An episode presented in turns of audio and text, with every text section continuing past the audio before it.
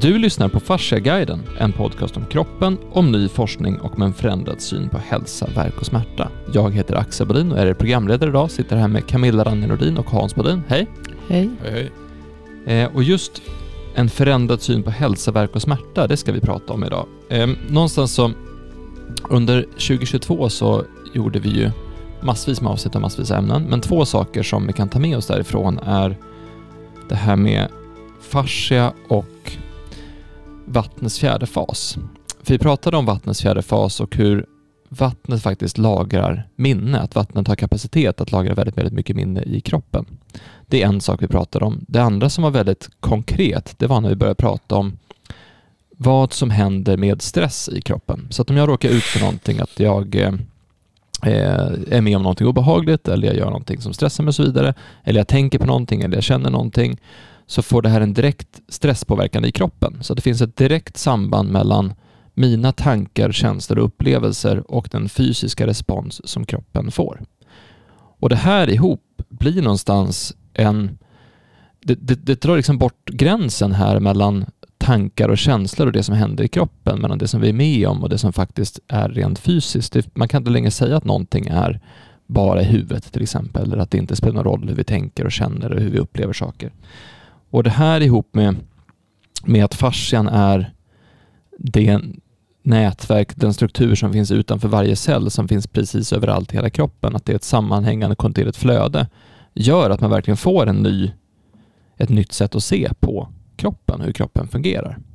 Men det är ju inte bara inom fasciaforskning som man har sett kroppen på ett helt nytt sätt. Det finns ju andra ett ämne som vi kommer att prata väldigt mycket om under det här året är Eh, energi, alltså kroppen som energi. Och då finns det ju en lång tradition faktiskt inom det som kallas för energimedicin eller ämnet energimedicin. Så vi tänkte öppna den, den dörren nu till att prata om energimedicin och sen se hur det här hänger ihop med fascia. Men vi kan börja lite enkelt, så här, vad, vad är energimedicin Camilla? Ja, det, det är så stort så det, det går nästan inte. Men, men eh, man kan ju säga att enkelt då, det, alltså det, det, kroppen påverkas av en massa olika energier. Och det är det det handlar om. Och eh, vi har ju alltså ansett då att vi består av eh, organ och celler. Alltså, och, och, vi pratar om det som är utanför cellerna, fascian då. Men det pratade man ju inte om på ett tidigare stadium så att säga. Utan och vi, vi, består ju inte bara av organ och celler, utan vi består också av en massa elektromagnetiska fält. Och cellerna, det har vi ju pratat om, men cellerna kommunicerar då med varandra med hjälp av kemiska molekyler. Det är alla införstådda med så att säga. Men också via vibrationer och eh, elektromagnetisk strålning så att säga. Och det, det har vi också kommit in lite på elektricitet. Vi har pratat om ljus och, och så också. Och det är också elektromagnetisk strålning. Då. Eh, och eh, den här som jag pratade om för Albert van Gjörgi. Han som upptäckte C-vitaminet och fick eh, Nobelpris för det då. 37. Han var ju biokemist. Och en framstående forskare i USA, eh, Europa.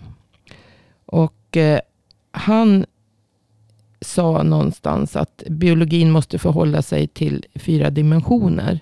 Och det är dels då alltså anatomin, den makroskopiska eh, anatomin. Och sen den mikroskopiska, alltså våra celler. Och sen är det då det som sker på molekylär nivå. Alltså de ämnen som finns i kroppen.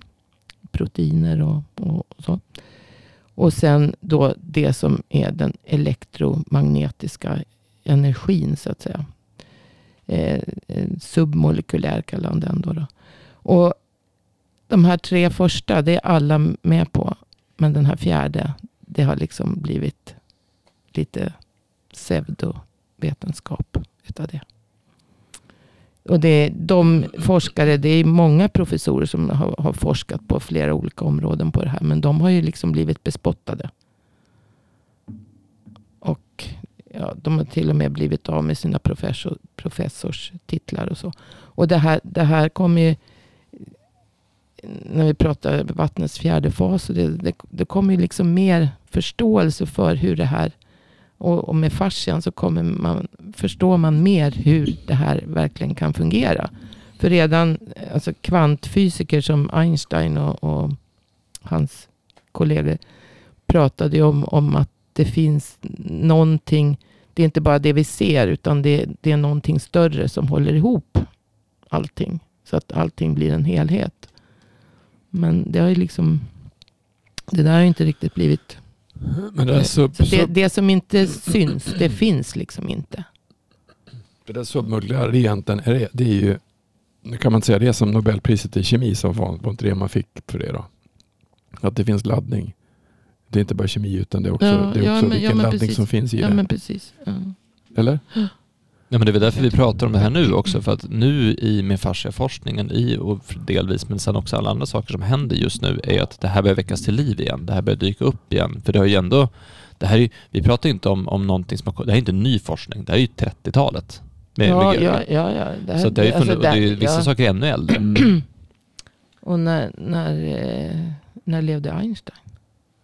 Tidigt 1900-tal. Mm. Men- han, dog, han dog väl 45, men nej, nej senare. 40, ja, Men vi pratar ju även om i avsnitt 27 om just eh, elektromagnetiska fält, hur det fördes jättemycket studier om just eh, elenergi i takt med att man byggde ut eh, den, eh, det elektriska samhället som vi har idag. Då pratar vi om slutet av 1800-talet. Då började man forska jättemycket på just den biten. Så att, så att, att, att vi påverkas av el, laddning, ström, energi, den typen av saker har ju varit någonting man har känt till eller forskat på väldigt, väldigt länge. Sen är det ju en sak varför det här har fallit, fallit undan lite grann, men det har vi också pratat lite grann om i avsnittet, avsnitt nummer sex faktiskt, om Flexner Report, att det fanns en, det fanns en idé om att styra upp eh, sättet man bedriver läkekonst på. Och då bestämde man sig för att köra väldigt hårt på just kemisk eh, Mm. kemiska Mm. preparat och Mm. eh, operation och så vidare. Den, den typen av, av vård. Om du tittar på hur vård har bedrivits under väldigt lång tid så är det just det man ofta säger. Ta den här medicin, medicinen eller kör den här operationen. Saker som,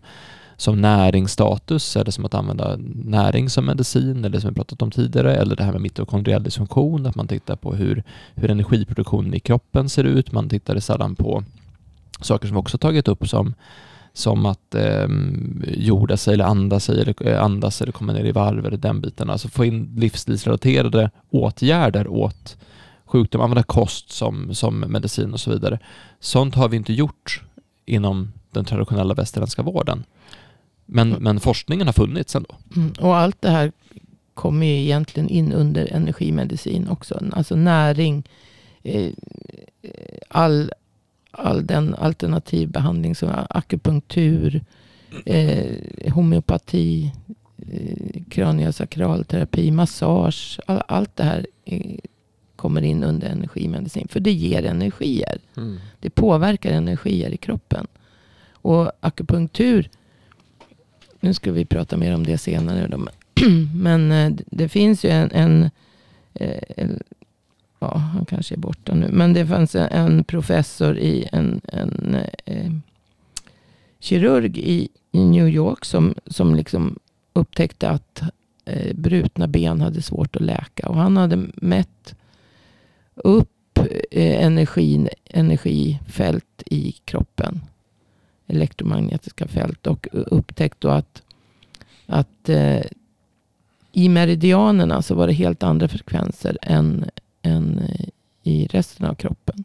Och i akupunkterna så var det väldigt mycket lägre frekvens än på andra ställen i, längs meridianerna. Så att det, och olika celler har olika, olika energier, olika elektromagnetiska fält, så att säga, olika laddningar. Och eh, han, han upptäckte ju att, att om man stimulerade då de här cellerna med elektricitet, svag frekvens, så kunde han få skelettet att läka.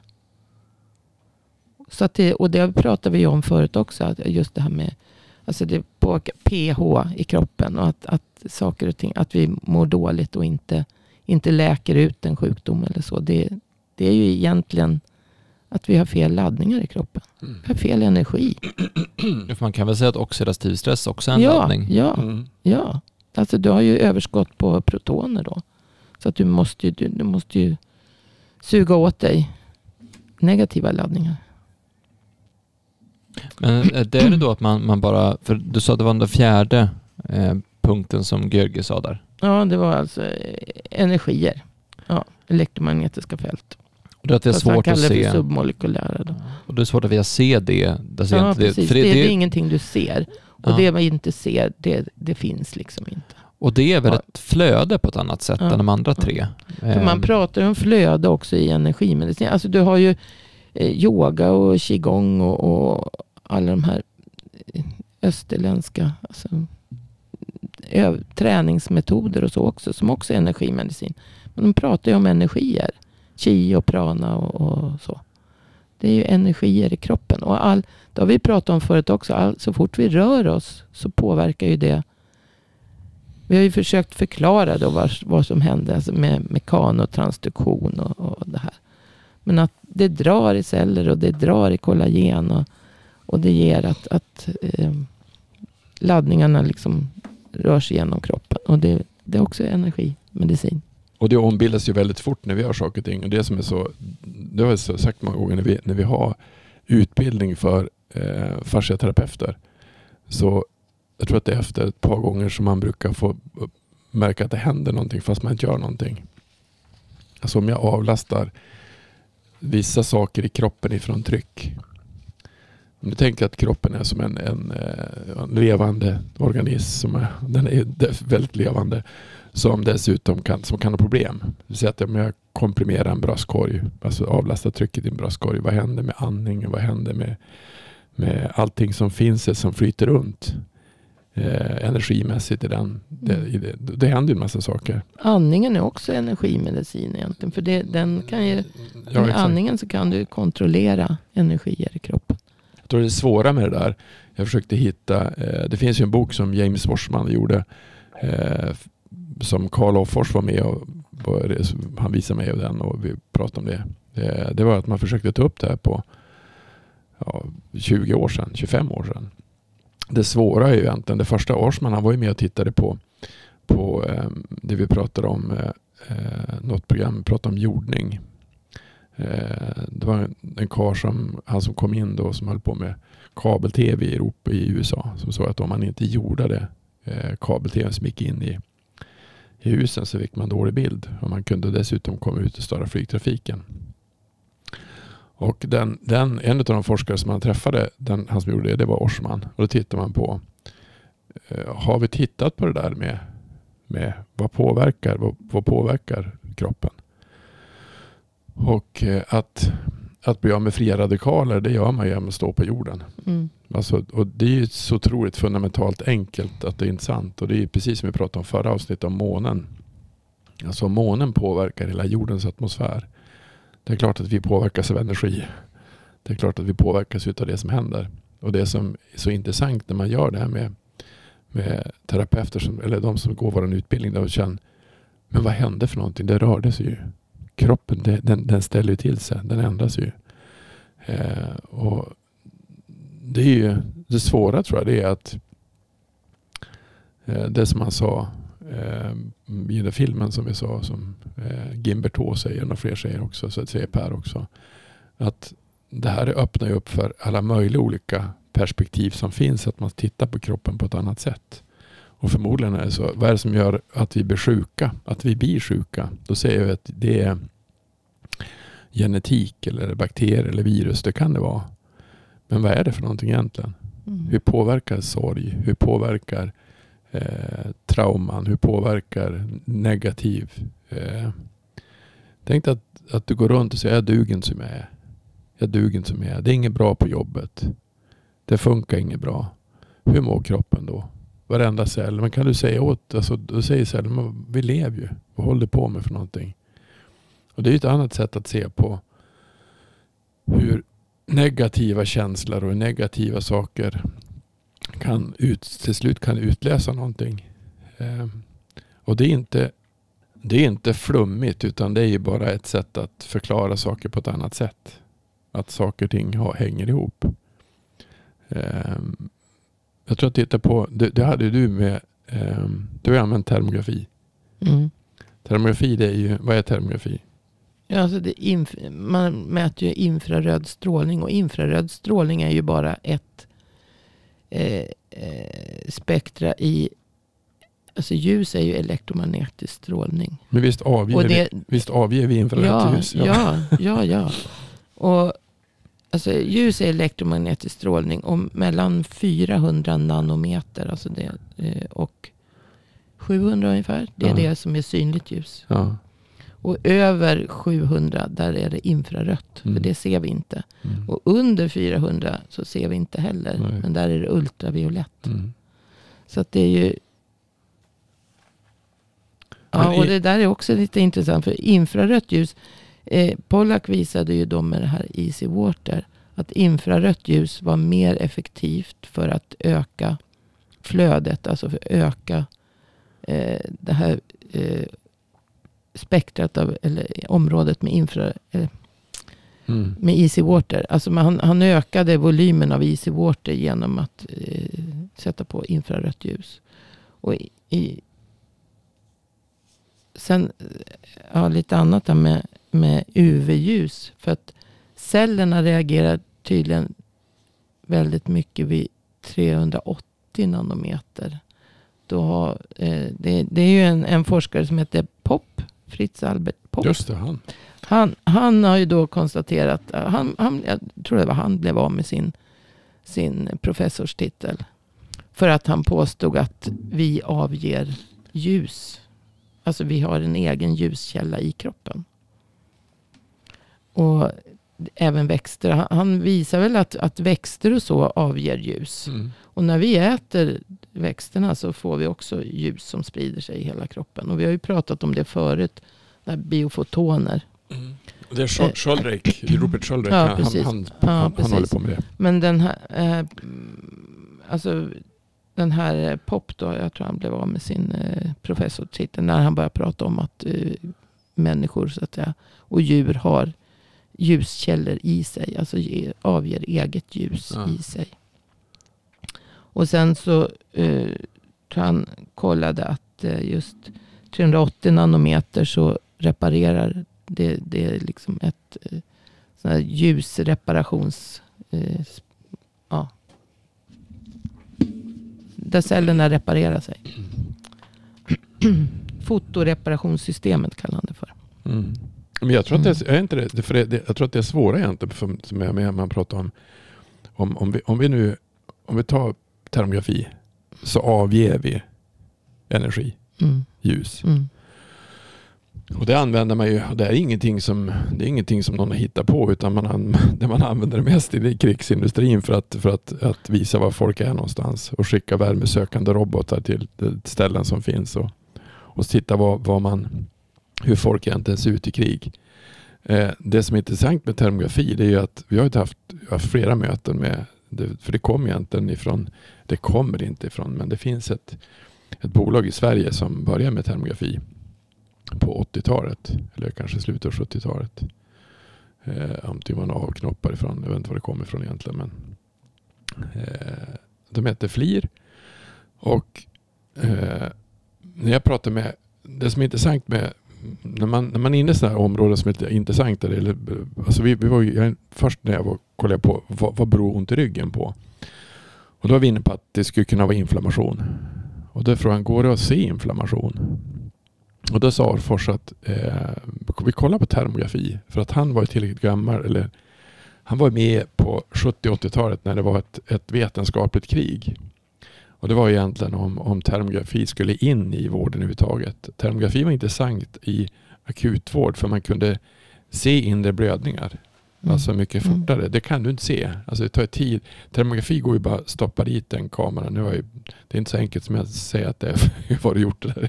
Man ser väldigt mycket saker på det. Det är fruktansvärt mycket strålning i folk. Men, Du, du ser ju mer det ytliga. Så, så att, ja, Ja. men, men de, de har ju dessutom blivit så mycket starkare nu. Så om jag Mm. går och sätter mig i en stol och går därifrån så kommer det synas kvar att jag har ja, suttit där. ja, ja. Du, helt, det, det, det, alltså, du kan ju ha en häst som står med järnskor ja, på en stallgång. Och så flyttar du på hästen så, så kan du se vär, så ifrån. ser du värmen ifrån den järnskon. Alltså långt efter hästen har flyttat på sig. Så att den, alltså det är väldigt eh, fascinerande. faktiskt. Men då var jag i alla fall, så jag var till FLIR och jag berättade för det med inflammation vad det var för någonting. Och de var så här, jag fick hela, tror nästan hela bolaget satt, eller hela, ledningsmö- hela ledningsgruppen i, i Sverige satt och lyssnade på jag och Arfors vad vi sa för någonting. För vi hade tänkt egentligen göra en Se om man kunde använda det här för att göra en inflammationskiosk. Alltså ta reda på, finns det inflammation överhuvudtaget? Men det bökiga det var att, att eh, FLIR är så otroligt rädd för medicinsk-teknisk utrustning.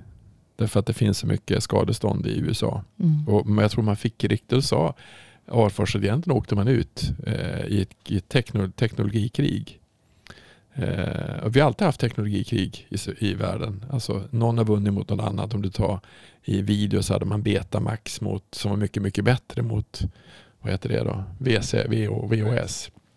Eh, och det, finns, det finns säkert många sådana exempel på teknologikrig som har en, en teknologi har vunnit mot den andra. Men just Ja, det, var, det var väl Tesla mot eh, Edison är väl en stor, stor grej. Ja exakt. Alltså, alltså Vilken precis. ström man använder. Ja exakt, så han fick ju ge bort det patentet för att han skulle... Ja. Men, men det som är intressant med, med termografi som är en strålning det är att gå in och sök på... Det som var intressant med det, det är att a- nästan alla sjukdomar som Carl säger, och det säger många, civilization of disease har att göra med inf- kronisk inflammation. Som hon visar streck och som visar om, om att det är hyalonsyran som blir som Mm. inbunden i sig själv. Och kroppen kommer inte ur det. Och därför blir sådana saker som till exempel eh, man provade att göra eh, termografi för att, titta på eh, bröstcancer, alltså om det finns oregelbundenheten i brösten. Och det är helt ofarligt. Mm. Helt vi, ofarligt. helt vi använder det. Och, men söker man på, på termografi och bröstcancer, då, alltså det, det är vetenskapligt krig. Alltså de som, de som, de som, tyck, vänta, de som tycker att, att det är bra med det, alltså att det är en, att, alltså som håller på med, nam, vad heter det, mammografi istället, som är strålning som är egentligen farligt. Det är farligt. Det är inget snack om att det inte är speciellt bra. Men där har tekniken gått så mycket framåt, det är den teknik som finns. Framförallt så kräver det så otroligt mycket mer resurser än vad Termografi, termografi skulle göra. Så att, men när vi gjorde då studien på Frozen Shoulder då hade vi termografi och då var det ju en sak som kom tillbaka ifrån etiska nämnden. Det var, vad var det för någonting? Och då var vi tvungna att ah, varje sån här ah, svar som var så hade vi 15 sidor kopierade papper till alla som skulle vara. Det var ju pappers som vi lämnade in. Och de, vi skrev till dem, ni kan väl läsa på. Men de visste inte ens vad det var för någonting. Så, att, och, så att det är ganska intressant med vissa saker som är Alltså vissa saker är inte enkelt att prata om fast det är otroligt enkelt. Alltså, vi, vi, vi, alltså inom hästsport använder de termografi ganska mycket. Mm jag vet inte om man använder termografi. Inom humanmedicin tror jag inte man använder alls. Därför Inte det, i Sverige, men jag vet inte. Inom veterinärmedicin så använder man det i alla fall både i Finland och England och ja. Sydafrika och USA. Och, och så. Men alltså nu, termografi är ju mer en diagnostisk. Alltså du kan eh, Ja, ja. diagnostisera och, och, och hitta typ inflammationer. Långt innan du så att säga Jo, men det som, kanske det som, ser att det är, det är en skada. men inom energimedicin finns ju allting. Det Mm. finns ju både sätt att se på kroppen Mm. och sätt att behandla kroppen. Eh, det svåra är att, att det, det, det, det intressanta i det, det är att det är ett perspektiv som bygger på helhet som är svårt att förstå. Mm. Att vi är många olika saker. Ehm, alltså vi mäter ju, vi mäter ju hjärn, hjärnans frekvens med, med, elek- med Ja, vi elektricitet. mäter EEG och vi mäter EKG. Och det är ju den aktivitet, alltså elektriska aktiviteten i hjärnan och respektive hjärta. Men det som var svårt att mäta från början var det, det, var det, det, var det fjärde som du sa där. Som, som var svårt att Ja, alltså, ja, men fast vi använder det ju då på EEG Ja. och EKG. Ja. mm.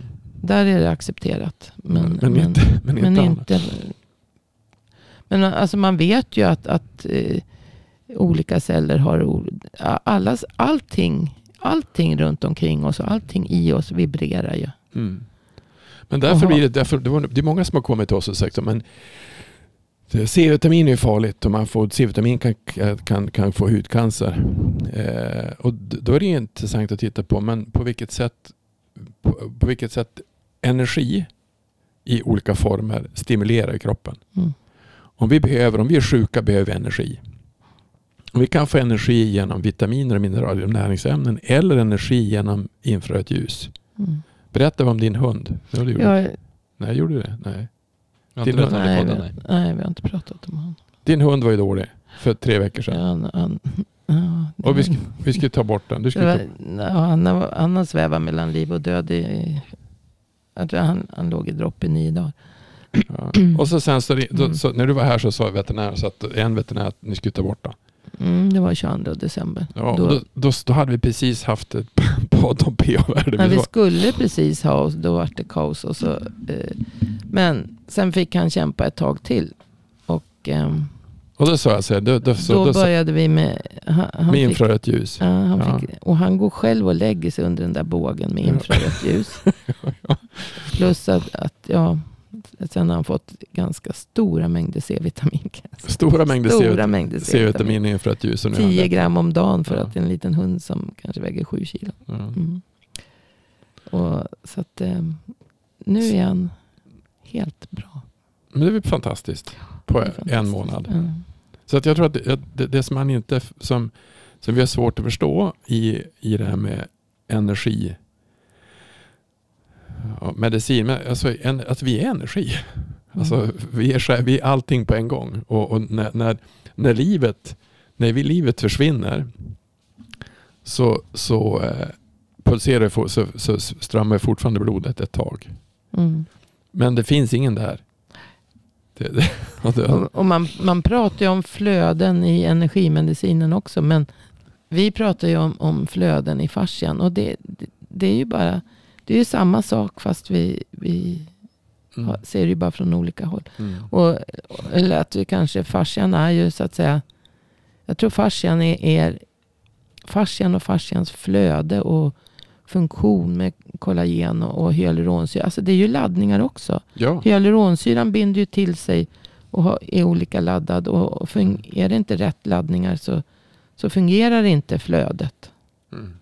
Och det här vattnets fjärde fas är också en, en förklaring på. Så att det här börjar liksom bli förklaringar på det. Någonting stort som man har så att säga, känt men inte förstått riktigt Mm. hur det har fungerat. Och det, det finns säkert otroligt mycket kvar än som vi naturligtvis inte vet. Jag gick till en kille som, som eller min mamma och jag gick till en karl som han, han tog ett enkelt blodprov.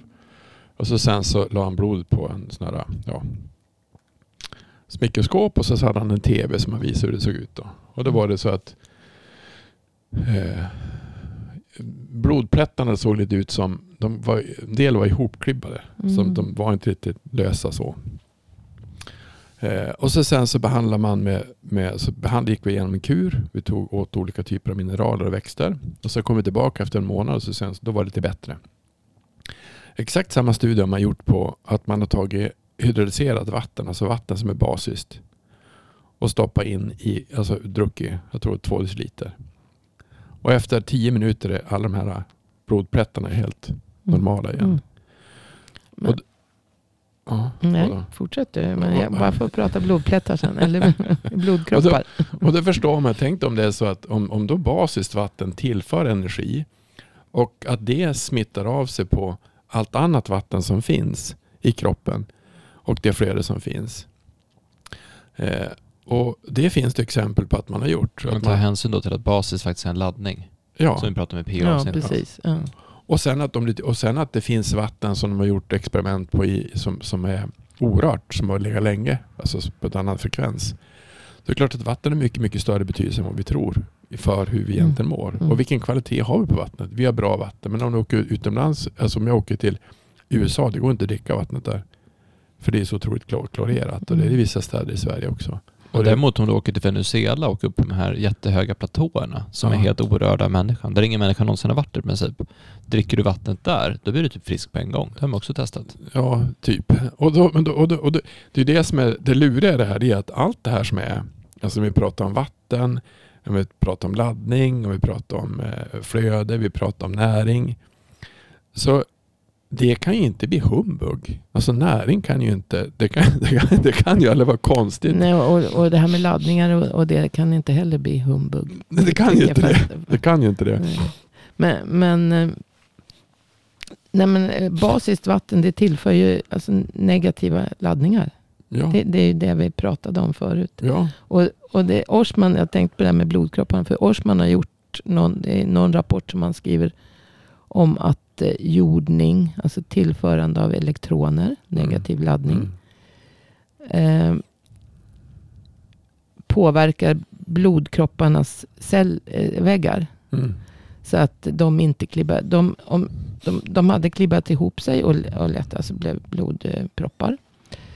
Eh, och eh, med då jordning och tillförande alltså av negativ laddning. Så Mm. ändrades laddningen i cellmembranet på blodkropparna. Så att de alltså, och det är precis samma sak som händer med, Mm. med hydrolyserat vatten. Fast då dricker du det. Han pratar om jordning. Att du får elektronerna Mm. via fötterna eller huden på något sätt. Mm. Så att eh, det, alltså det, det blir bara mer och mer. Man, man får Det- det- liksom det- förstå sambanden. Det är på intressant med det- jordning när man pratar, för vi har ju ett sånt här utvecklingsteam som finns och, då, då, och de håller på med mycket av det. Det är EMC-labb och man eh, testar olika saker, man, man gör kretskort. Och i, i, eh, i den typen av miljö är det väldigt vanligt att man har jordade golv, alltså man, av, alltså man inte kan ladda. För du kan ju, vi kan ju ladda så mycket energi i kroppen så kan jag skicka något kretskort så det blir bara förstört. Så att de, de har ju mycket mer kunskap om det än, än normala människor Mm. än vanliga människor. Och att man inte har, att man inte har det i sjukhus, i vårdinrättningar, Ja. är lite konstigt. Nej, därför det, det finns inte. Är ni, är ni, är ni klara?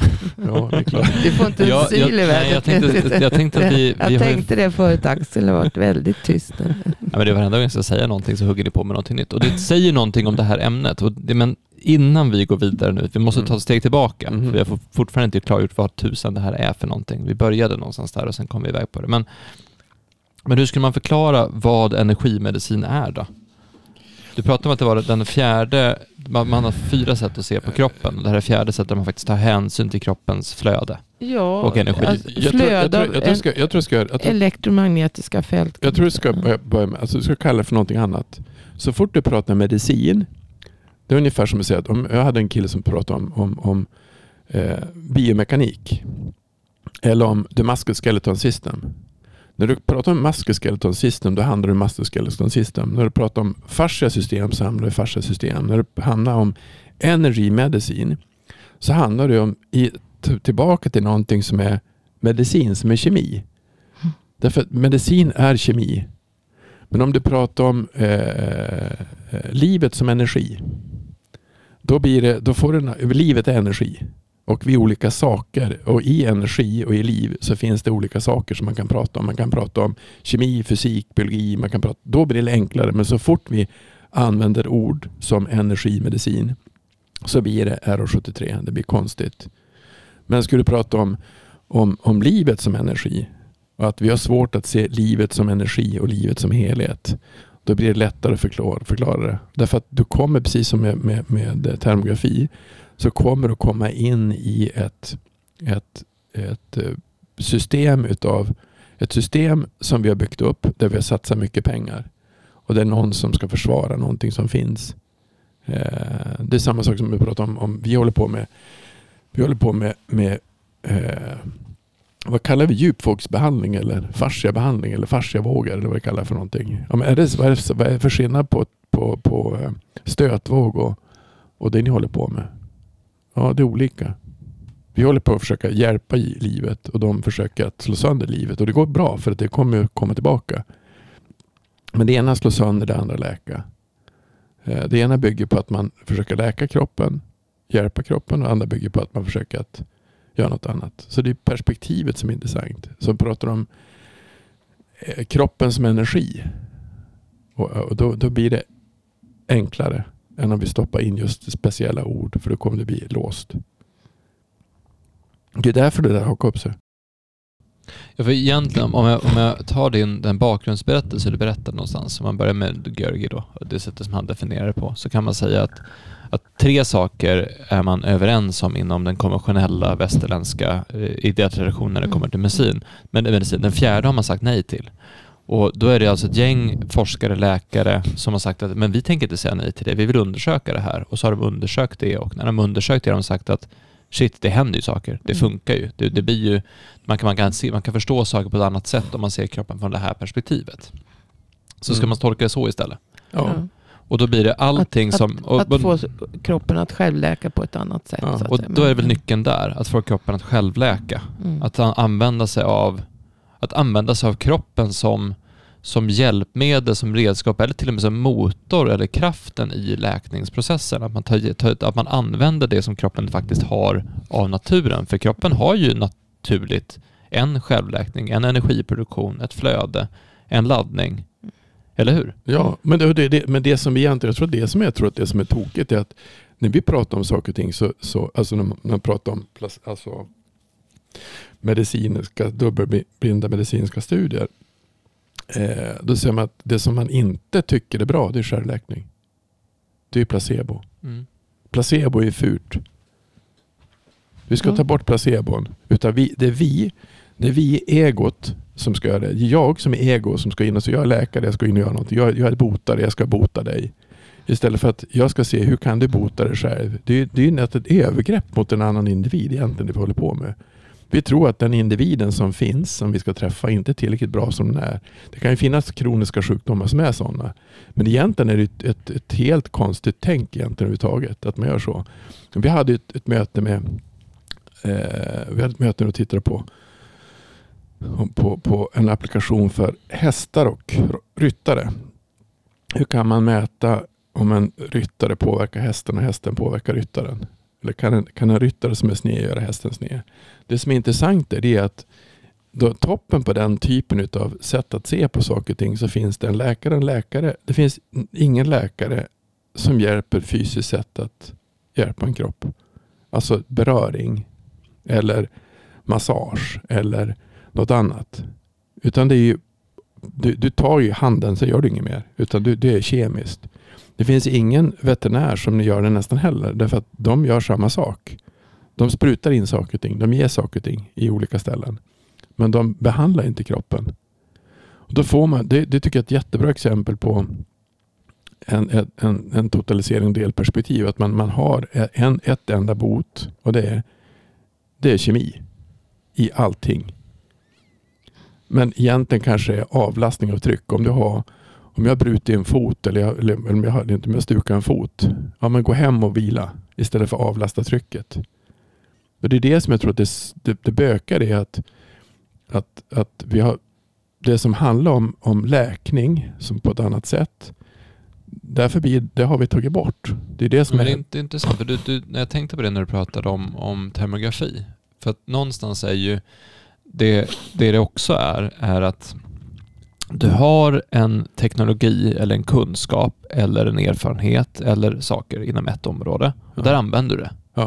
Men inom ett annat område säger du nej, det skiter vi Ja. Det ignorerar vi. Och det vi pratade lite grann om det, jag tror det var avsnitt sju, så pratade vi om det här med att, att man använder sig av de fysiska idéer som kommer från kvantmekanik och så vidare för att tillverka telefoner, för att Ja. tillverka IT-system. Man använder sig av kunskapsinlagring av information och, och så vidare i, i medium, i, i kisel, kretskort och så vidare. Man Mm. använder sig av den här kompetensen och kunskapen på ett ställe. mm, Men på ett annat ställe säger man det vill vi inte ha att göra med. mm, Så det är som att man, man dels tar man inte tillvara på allt som finns. Alltså det, någonstans är det så här, om, om någon kommer till mig och är sjuk eller mår dåligt, då tror jag alltså att, att den här personen kommer använda allting som finns, all kunskap som finns, all erfarenhet som finns, all, all liksom samlad kompetens som finns för att kunna eh, hjälpa den här personen. Det är liksom, det är så skulle den ultimata processen se ut, att man, an- man drar nytta av allt. mm.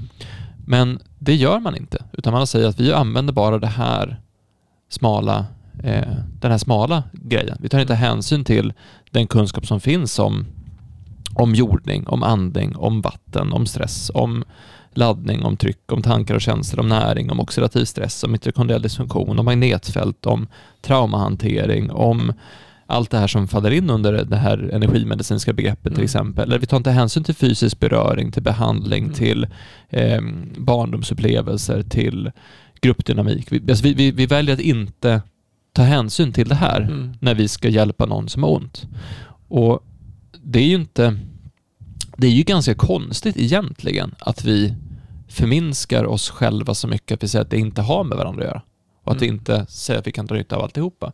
Och det, det är lite intressant det som du pratar om med För jag skulle säga att en av de största problemen som vi har som samhälle i stort, det är att vi har en extrem hybris.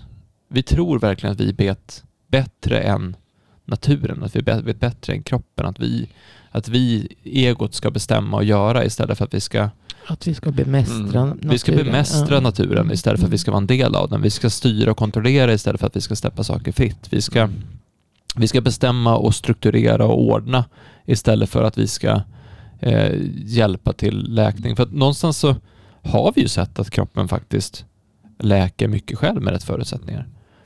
Och det är väl där någonstans det, det- här blir intressant. Ja, och därför, därför menade jag, jag hade någon, någon som kom nu för, ett par veckor sedan. Så, sjuk, hon, hade, hon var sjukskriven och hon skulle fylla 65 nu i vår och hade varit på, ett par behandlingar och blivit mycket, mycket bättre. Men det var fortfarande kvar grejer. Hon var lite krokig i i eh, överkroppen så jag gjorde sån avlastning så att kroppen rättade till sig. Så hade hon lite ont i nacken, lite andra saker som fanns. Men så varför är du... Vill du bli frisk? Ja. Men varför är du sjukskriven då? Ja, men jag är ju det. Ja, men om du blir frisk här nu, blir du, tar, anmäl dig frisk då? Jag vet inte, sa hon. Men så går ju inte så. Du kan inte vara... Du, alltså du kan inte, det är det som är så svårt. Alltså, för, alltså det, det är så enkelt att förklara så här att om, om, jag, om jag är sjukskriven utåt så kan jag inte vara friskskriven inåt. Jag, jag försökte förklara för det, det var som jag gick och jag skulle försöka ändra mig. Jag skulle försöka vi vinter, bli inte bättre på att slå golfbollar. Då sitter Karl och säger så här, du måste slå så här. Ja, men jag kan ju inte. Varför kan jag inte? Det får du ta reda på, sa han. Du kan ju slå så där, men du kan inte slå så där när du står på en viss person. Ja, men varför kan jag inte? Ja, det får du ta reda på. Det kan inte jag svara på. Och jag ställer mig och övar och övar och övar. Så jag, jag övade tror jag, 15 timmar förra veckan och spelade golf. Och det gick, det gick bara sämre och sämre och sämre. Jag slutade med det här skitspel, dynga, elände. Och sen på fredagen, precis innan jag skulle dit, då funkade alla slag. Och då sa han, det är så. Alltså livet är inte omedelbart. Utan livet, alltså om du ska ha en förändring så måste du öva på förändring. Det måste ändra. Det, måste, det, det är så det är. Och alla sådana här golfproffs som man träffar. Jag hörde någon sån här Gary Player han sa. Det fanns alla som har spelat mycket golf, de har tränat mycket. Alla som är duktiga musiker och tränar mycket. Alla som gör någonting och tränar mycket. Hur tränar jag på att vara mer mig själv? Som vi sa för förra gången. Hur reagerar jag med månen? Reagerar jag på månen? reagerar jag på någonting överhuvudtaget? Och jag tror att det är det som är svåra egentligen. Det är att, alltså om vi tar till sin spets då. Det här med, med som jag sa om, om vårt västerländska perspektiv. Det är inte eh, det är inte mitt ansvar att göra någon frisk. Det är den som kommer till mig ansvar att se till att den själv blir frisk. Och det är det som är skillnad tror jag mellan österländsk och västerländsk sätt att se på. En österländsk läkare får inte betalt om de inte blir frisk. Alltså vi har betalt för det andra. Vi har pengarna som ligger på fel ställe. Vi har pengarna som ligger i sjukvård istället för pengarna som ska ligga i friskvård. Hur får vi folk att äta rätt, sova rätt, leva rätt? Och det där kommer aldrig att bli någonting förrän vi förstår nyttan i att ha friska människor. Och det är därför jag menar det, det, det som är intressant med hästar. Det är mer pengar i friska hästar än i sjuka hästar. Därför att man vill att hästen ska vara frisk. Det är mer pengar i friska djur än sjuka djur. För man vill att djuren ska vara friska. nu skrattar Camilla. Det beror på från vems håll du ser. det. Nej, men- ja, men, ja, men, alltså, om man, tar, om man eh, hårdrar det kanske. Mm. Det tror jag alla vill ha friska djur. Eh, Ja, alla, ja, alla, alla vill ha friska ja, djur. Och det, alla, vill, alla människor vill ha friska människor också. Men jag tror att systemet som sådant är mer, eh, mer inriktat på att ta hand om sjuka än friska. Så jag tror att det var när jag var eh, 15 eller 16 eller 17 eller sånt där. Då fick jag... Eh, min pappa kom till mig och sa så här, du, du måste se den här filmen. Jaha, okej, du måste se den här filmen. Okej. Då heter den eh, What the bleep do we know? Ja. Och så handlar den om nya trender inom genom just läkning. Alltså allt ifrån kan man läkas med tankar, kan man läkas genom vatten, kan man eh, behandla på olika sätt, och olika manuella behandlingar, det var en massa saker om typ healing, massa, alltså allt bara, man har tagit Mm. allting som bara liksom är Eh, visst, till visst är det lite halvflummigt men också lite, lite vetenskapligt grundat och lite så här så, så bara slängde vi in det i såna grejer. Och det jag kände efter jag hade sett den där när jag var 16 år gammal och bara wow, shit, nu händer det. Alltså nu, nu kommer, alltså tänk vad mycket framsteg det finns här. Här är det folk som har blivit av med massa sjukdomar och här är folk som har liksom gjort en massa tester och här är folk som pratar om att, att hjärtats energi kan göra hit och dit och man, man mäter hjärtfrekvenser och så kom det en annan film som heter The Living Matrix några år senare och man bara så här, Mm. nu, shit, det går att göra vad som helst. Vi kan ju, Mm. nu, nu har vi löst det. Nu har vi Mm. knäckt koden till hur vi blir av med massa sjukdomar. Tänk, nu kan människor bli friska. Och sen började jag jobba med det här och insåg att nej, så enkelt var det ju inte. Det är trögt. Och det, jag tror att det finns en grundläggande ehm, ett grundläggande problem är vilken vilken princip eller vilken riktning vi, vi följer när vi gör saker. Därför att vi, vi pratar mycket om det. Vi hade träff för blivande ehm, ehm, kliniker som ska öppna upp, alltså med de som som driver de här klinikerna och skulle liksom, så här jobbar vi, så här gör vi, så här ser det ut och så vidare. Och det var så mycket grejer som, som kom upp under det där så att jag pratade med Per igår och vi har bestämt att vi ska göra en hel serie om bara det som kom upp under den, den eh, träffen, alltså en ny podcastserie egentligen. Mm. Och två saker. Det ena var att, att en, en princip, som vi har ju fyra principer som vi jobbar efter. Det ska vara, det är enkelt, det är eh, helhet, det är omtanke och det är ödmjukhet. Och det är inte bara ord, utan Mm. det är riktningar, det är ehm, energier, det är håll man kan gå åt. Så att om man tänker enkelt, om man försöker hitta enkelt och tänker enkelt och är enkelt och jobbar enkelt och har enkelt i huvudet hela tiden, då kommer man se de enkla lösningarna. Man kommer se hur man gör saker enkelt. Mm. Man kommer lägga märke till enkelhet. Men om du söker efter komplexitet så kommer du alltid hitta komplexitet. Så att vilken, vilket, vilka glasögon du har när du ser någonting en sån sak. Jag kommer ihåg en sån gammal entreprenörsutbildning där man pratar om att, att, att alla problem är möjligheter. Mm. Alltså när, när det dyker upp utmaningar, kriser är möjligheter, problem är möjligheter, svårigheter är möjligheter. Det här är, det här är chansen att ändra på någonting. För när du ser vad som är fel, då kan du ganska snabbt hitta Mm. vad man kan göra rätt istället. Så det är också ett, ett angreppssätt och perspektiv i det. Det andra som jag fascineras av, som vi verkligen ska prata mer om, det är hur, hur vi som kultur har så fruktansvärt svårt för att drömma. Jag var, jag var på det sättet tagen. Jag, jag gjorde till och med så att den här gången så skrev jag upp ordet lek på tavlan. Mm. Nu ska vi leka hörni. Vi ska Mm. få leka. Ni ska få drömma fritt. Vad vill ni vara om fem år? Mm. Alltså, ni, kan, ni kan liksom säga att ni bor, på, ni bor i Afrika. Eller ni bor liksom i, i Sydamerika. Mm. Det, kan, vara- det kan vara någon helt annanstans. Ni får leka helt fritt, drömma helt obegränsat. Vad vill ni för någonting? Och så sen när ni nu har den här lek, ni behöver skriva under det i blod, ni behöver liksom inte liksom stå för det här sen, ni kan göra om övningen sen. Bara, bara lek med tanken, vad vill ni vara om fem år? Mm. Och jag fascineras gång på gång över hur svårt det är. För vi har gjort övningen förut, men du har inte sagt det här med lek. Och det är folk, Mm. folk har svårt att tänka fem år fram i tiden, vad de önskar sig. Nu var det så här, vi ska dessutom leka. Mm. Ändå är det så svårt. Det är så svårt att, att våga drömma och tro på någonting, att, att se, att, att bara fantisera om det. Och det där är någonting som är så intressant för att vi har inte det när vi är barn. När vi är Mm. barn så kan vi fantisera om att vi är någon helt annanstans. Så om vi tre hade varit barn nu ihop och så hade vi lekt någonting, Mm. då hade vi dragit på för våra riddarhjälmar och så hade vi åkt ut till en fantasivärld och så hade det kommit en drake.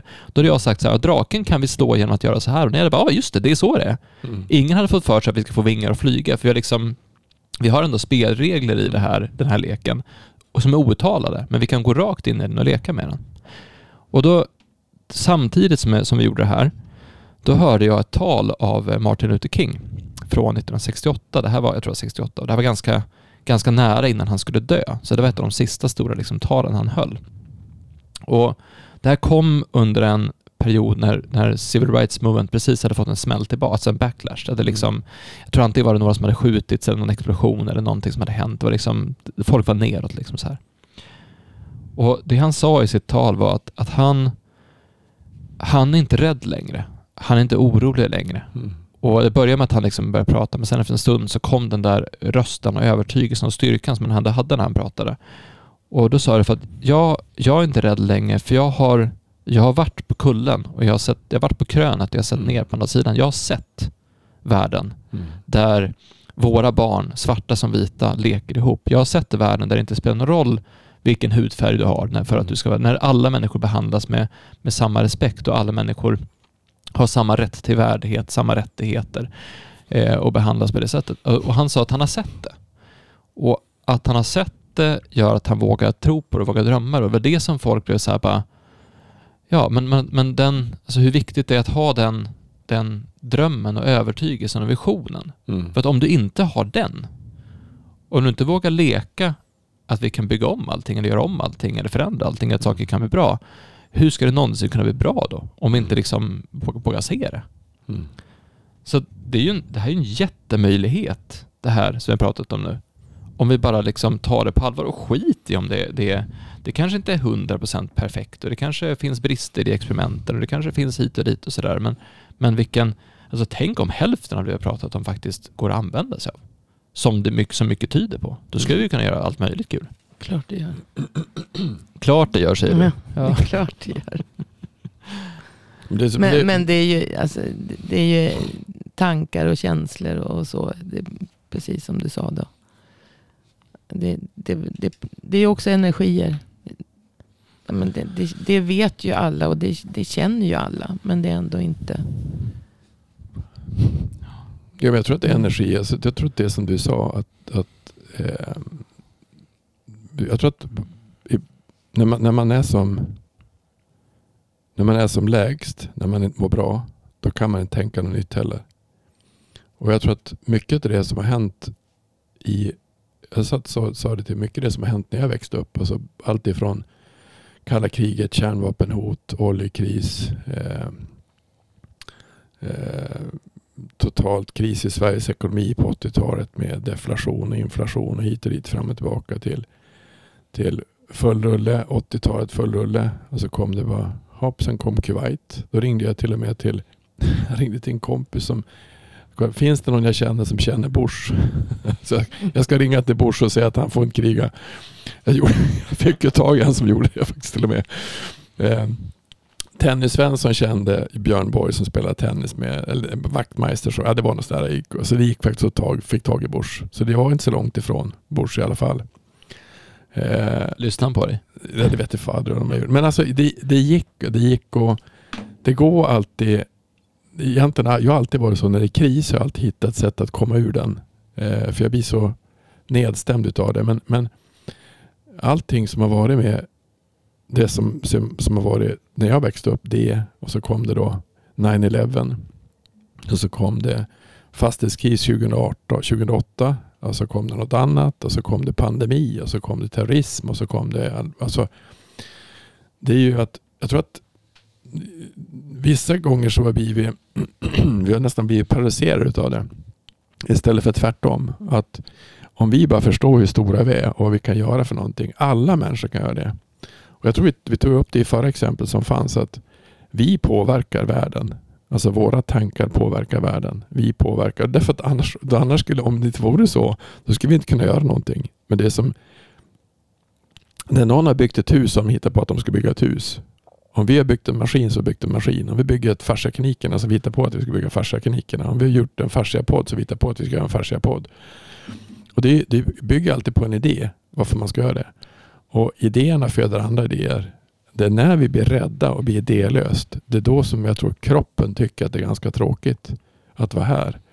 Ehm, så att drömma är jätteviktigt. Och, och, och sen är det också viktigt att säga vad är, vad är min väg? Vilken väg ska jag gå? Vad ska jag hålla på med för någonting? Och alla ska inte göra samma sak. Det är det som är så häftigt att, att, att det är det som är så fantastiskt att det finns en del som tycker att det är tråkigt är roligt och en del som tycker att roligt är tråkigt. Det är jätteintressant. Men det var i, igår kväll så att jag svarade på 60 stycken mejl från lyssnare. Det blir ju en hel del mejl nu med, med filmen som så många har sett och med podden som verkar växa och växa med farsa som Intresset växer ju, det är jättekul. Så det blir en hel del mejl. Eh, och då var det någon som skrev så här, men det här verkar ju, alltså skitbra, verkligen. Vad, vad kul. Alltså det här, alltså vet, jag har behövt ha lösningar hur länge som helst. Och, Mm.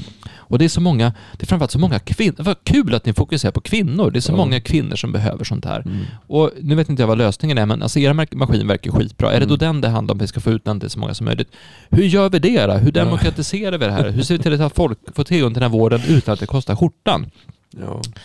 Och det är ju just det som vi måste göra då. Då måste vi ju ta den här diskussionen igen. För att alltså, vi kan göra vårt. Vi kan ju ta fram metoder, vi kan ta fram Mm. maskiner, vi kan ta fram koncept, vi kan ta fram företag som drar åt det hållet som vi pratar om med farsaklinikerna, som försöker sträva efter det här med, med enkelheten att faktiskt hjälpa Mm. människor att förstå uppnå sin fulla potential och, och växa och, och se till att folk kommer på behandling. Men, men det är ju fortfarande en affärsverksamhet som måste, den måste gå runt, den måste gå bra, för det är liksom förutsättning för att den ska få finnas, för den får inte någon finansiering utifrån. Den Mm. finansieras genom att det går bra för den. Mm. Eh, men ska vi få en förändring så måste vi ju, då måste ju folk kräva det. Och det är ju det som är grejen. Alltså man måste kräva det. Om, om tillräckligt många människor kräver att man förändrar sättet man, man ser på kroppen på, eller om tillräckligt många människor börjar förändra sitt sätt att se på kroppen, så kommer det ju bli en förändring. Jag tror, jag tror, ja, precis. Jag tror, men jag tror att det som är grejen är att alltså, om vi förstår, Typ mer som du sa det sista, jag tror det är viktigt att, att man kan få drömma, att man kan få göra vad man vill, unga och gamla. Och sen så att eh, det är inte, alltså det är väldigt många, hur, när jag, jag, spelar en del golf, det är jättemånga som är i min ålder som har ont i ryggen. Alltså de har ont, de har ont i höften och ont i ryggen, och, men de, de kämpar ju på i alla fall. Det är mer att hitta på hur får man inte ont i ryggen? Hur får man inte ont i höften? Hur kan man ta hand om sig? Det är det som jag tror att det att den är friska som är intressant. Det är de här blå zonerna som är intressant. Det är kost som är intressant. Det, det är att hur, hur, hur, mår, hur mår vi bättre? Alltså vi lever ju i ett... Tänk dig att om jag jämför min mormor och morfar som lever och, och hur vi lever. De var född 1900 så vi lever ju på ett helt annat sätt. Men det är inte säkert att vi är lyckligare. Det är inte säkert att vi är närmare naturen. Det är inte säkert att vi förstår saker lika mycket som de förstod. Fast de kanske förstod det på ett annat sätt. Sen är det ju alla de här som kommer. Jag har en kompis med han, han, han eller en karl, han är 80 år gammal. Han skickar ju kompisar som är äldre till mig. Alltså de är ju 80 eller äldre. Och då kom det en karl nu, 8, han var förra veckan kom han, 87 år gammal. Hade ont i ryggen, han kunde nästan, alltså jätteont. Men Han hade fallit slagit sig. Han vart ju bra på, han vart ju bra när vi fick igång flödet. Men han kommer behöva mycket mer behandlingar. Så det, det, det är som bägge två. Håll folk friska och se till att ta bort det som gör ont. Men det, det kommer ju komma genom att det som kommer komma är att folk tycker att det är intressant. Att de som lyssnar delar på det. Att, de som, att man tittar på, på forskning som finns, som vi har tagit fram, som är populärvetenskapet om, om näring och sådana saker. Det är det som kommer förändra, inte, inte det andra. Inte Socialstyrelsen, inte Livsmedelsverket, inte Läkemedelsverket, inte sjukvården. Så, så kommer det inte vara. Det, det King var ju, Kings rörelse med, det var ju underifrån. Den kom ju från ett annat håll. Alla stora förändringar som finns kommer komma underifrån. Och det handlar ju om att man, man tillåter sig själv att ta emot kunskap om kroppen på ett enkelt sätt. Ja, vakna upp. Jag tänkte på det för ganska exakt ett år sedan. Så släppte vi avsnitt 45 av Farsaguiden. Ja. Eh, och det handlar om immunförsvaret. Eh, det ska jag lyssna på igen, tänker jag nu. För att det, där förklarar vi egentligen hur, hur fungerar immunförsvaret? Och vad är det man kan göra för att hålla sig frisk? Alltså vil- vilka saker kan man eh, göra för att stärka upp de olika delarna av immunförsvaret? För nu är det, nu är det en period när folk kommer bli sjuka. Det är, det är, liksom, det är januari, februari, det är, det är mörkt, det är kallt, det är väderomslag, det är mycket saker igång och så kommer nya året och andra, alltså sådana saker. Så hur, hur tar man hand om sin kropp? Så att om du som lyssnar på det här lär dig förstå din egen kropp och lär dig ta hand om dig själv, då är ju väldigt mycket vunnet. Mm. Jag tror att det som man måste titta på. Om, om man förstår det vi pratar om nu, att kroppen är energi. Så måste man söka saker på ett annat ställe. Orsmans bok Energimedicin från 70, år 2000. Det här är inte det är kunskap som har funnits och forskning som har funnits länge. Men varför är termografi varför är det, var, hur kan det vara farligt när vi använder det, för det, det, det, när vi använder det i flygplatser för att titta på om folk har feber? Det är den typen av teknologi som man använder för att skanna många. När vi använder det för att med, med, med värmesökande robotar för att hitta soldater. alltså kriga mot dem. Det vi kan använda på ett annat sätt. Varför är det kontroversiellt? Det är det som man måste titta på. Vilka, vilka vetenskapliga saker, vilka industri... Vad kallar man det för? Industriteknik som styr. Och varför? Och det, det ska man veta. Medicinteknisk utrustning, man har gjort någonting. Så det är skitdyrt att ta fram det och då vill man, då, du får nästan inte förändra det heller. För att då måste du söka nytt igen. Um, så det finns en tröghet i systemet som finns. Och mycket saker är bra men man måste titta på en helhet. Och det tror jag kommer att vara svårt om man inte använder fascia som perspektiv eller något annat. Men fascia är ett jättebra perspektiv för där ryms allting.